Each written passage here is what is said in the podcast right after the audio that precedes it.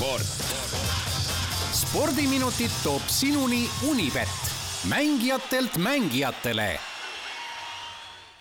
kell on kaheksa ja kolmkümmend üheksa minutit. Ott Järvel on stuudios, tere hommikust!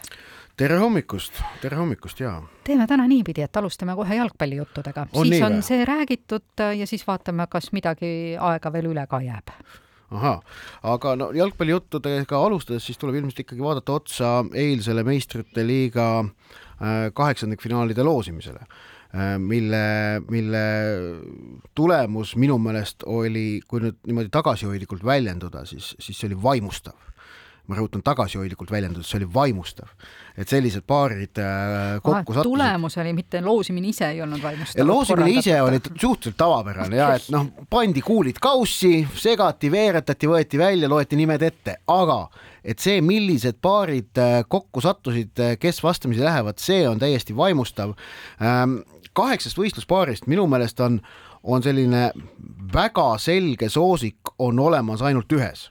Manchester City RB Leipzigi vastu. veel kahes ma julgen nimetada sellise enam-vähem selge soosiku, et Benfica Club Brügge vastu ja Napoli Eintrachti vastu. aga minu meelest ülejäänud viis paari on kõik sellised noh, maksimaalselt viiskümmend viis, okei okay,, maksimaalselt kuuskümmend, nelikümmend emmale-kummale, pigem viiskümmend viis, nelikümmend viis ehk et väga mitmeid tasavägiseid paare.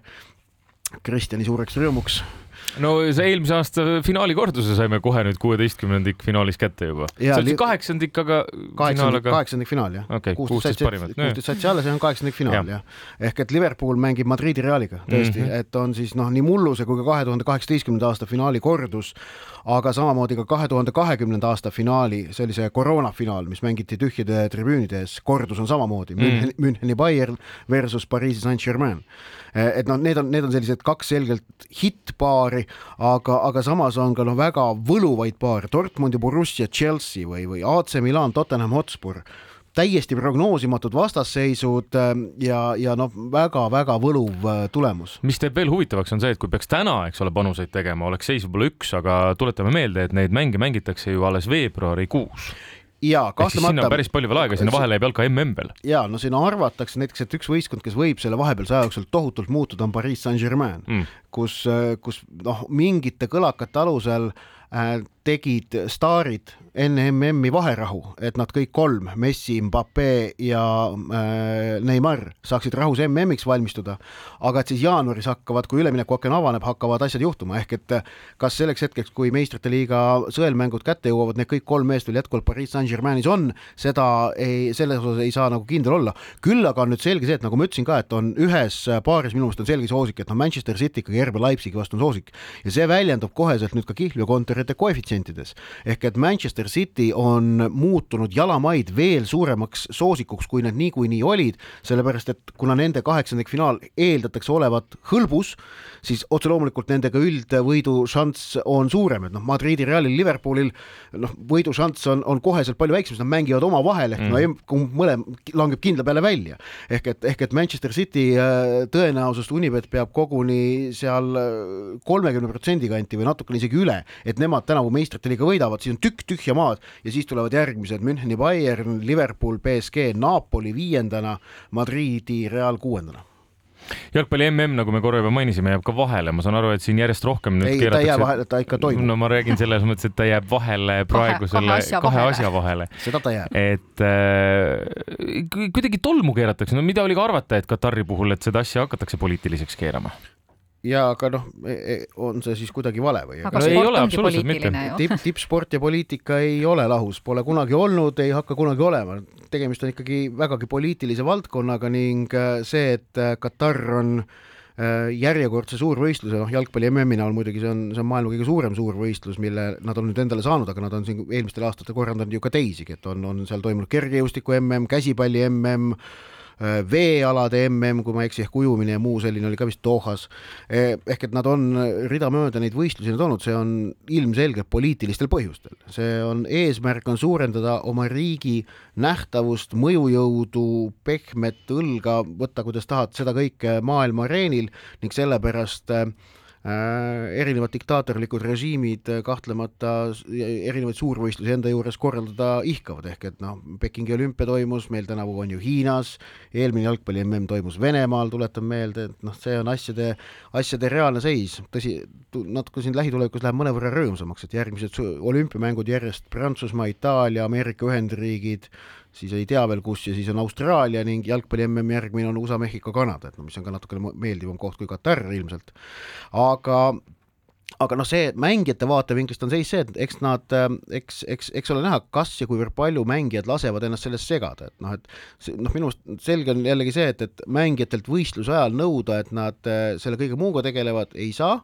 Kui nad tahavad, nad võivad Äh, aga, aga selge on ka see, et mängijad ei saa öelda, et, et kõigest sellest muust, mis äh, võistlust konkreetselt ei puuduta, rääkida ei tohi, et see neid segab, et noh, see on jällegi noh, nende asi harjuda sellega no,. jalgpalli juurest muude pallide juurde. Või läheme litri juurde äkki seal hoopis üldse? Äh, võib minna erinevate ja, et on selline Eestis, Eesti spordis hakkab selline pallimäängunädal peale, sellepärast et siin erinevad koondised tegutsevad. korvpallikoondis andis eile teada need neliteist mängijat, kellega minnakse vastu maailmameistrivõistluste valikmängudele Rootsi ja Soomega no matemaatiliselt Eestil veel isegi on edasipääsušanss olemas, aga noh, sisuliselt äh, seda, seda ei ole, et, et seal need kohtumised, mis alles on jäänud, äh, need ennekõike on olulised selle, seeläbi, et nendega oleks võimalik parandada enda asetust maailma edetabelis, millega siis omakorda on võimalik äh, tulevikus saada võib-olla mõnevõrra soodsamaid valikgruppe. aga, aga noh, oluline on siis see jah, et nagu noh, mitte mingit üllatust selles ei ole, aga Maik-Kalev Kotsar, Sander Raiest, Euroliiga mehed Victoria Baskooniast Eesti koondisele appi tulla ei saa, sellepärast et Euroliiga mängupausi selleks ajaks ei tee.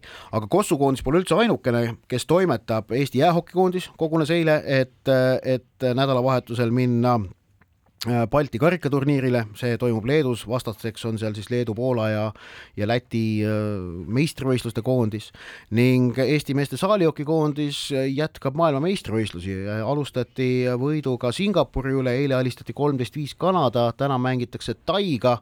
No ollakse väga selged soosikud, noh, selline kümneväraline võit võiks olla selline prognoositav tulemus.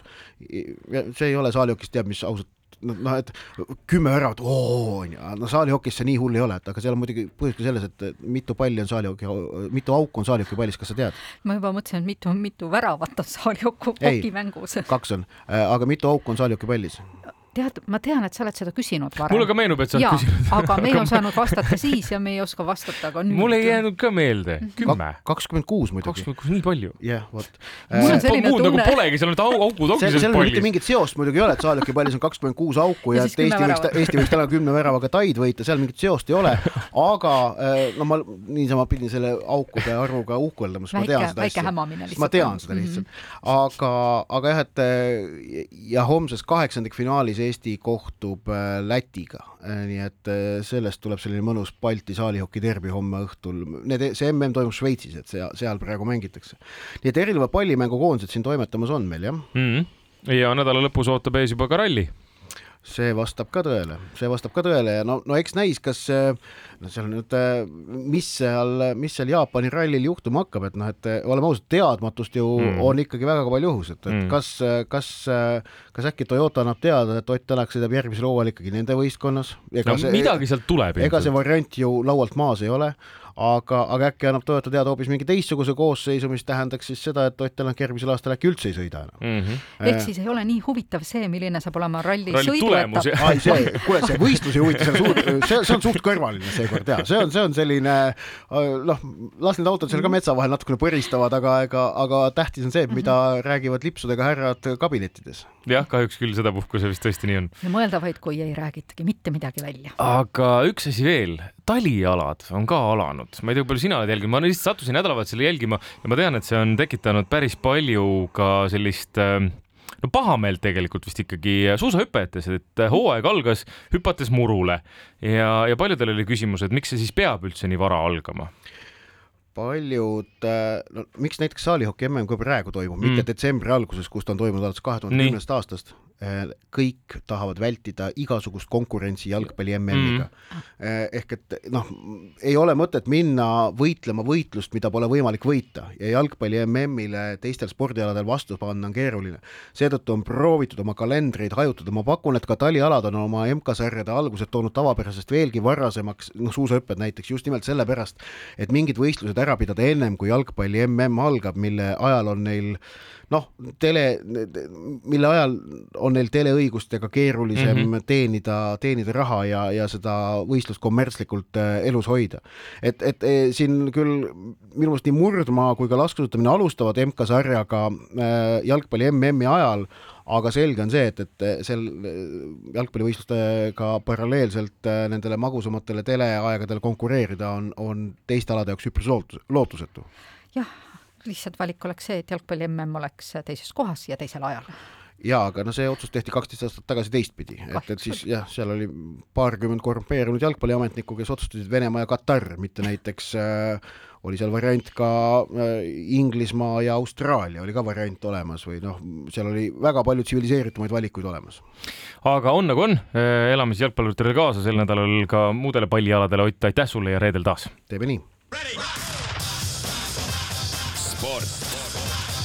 spordiminutid toob sinuni Unibet, mängijatelt mängijatele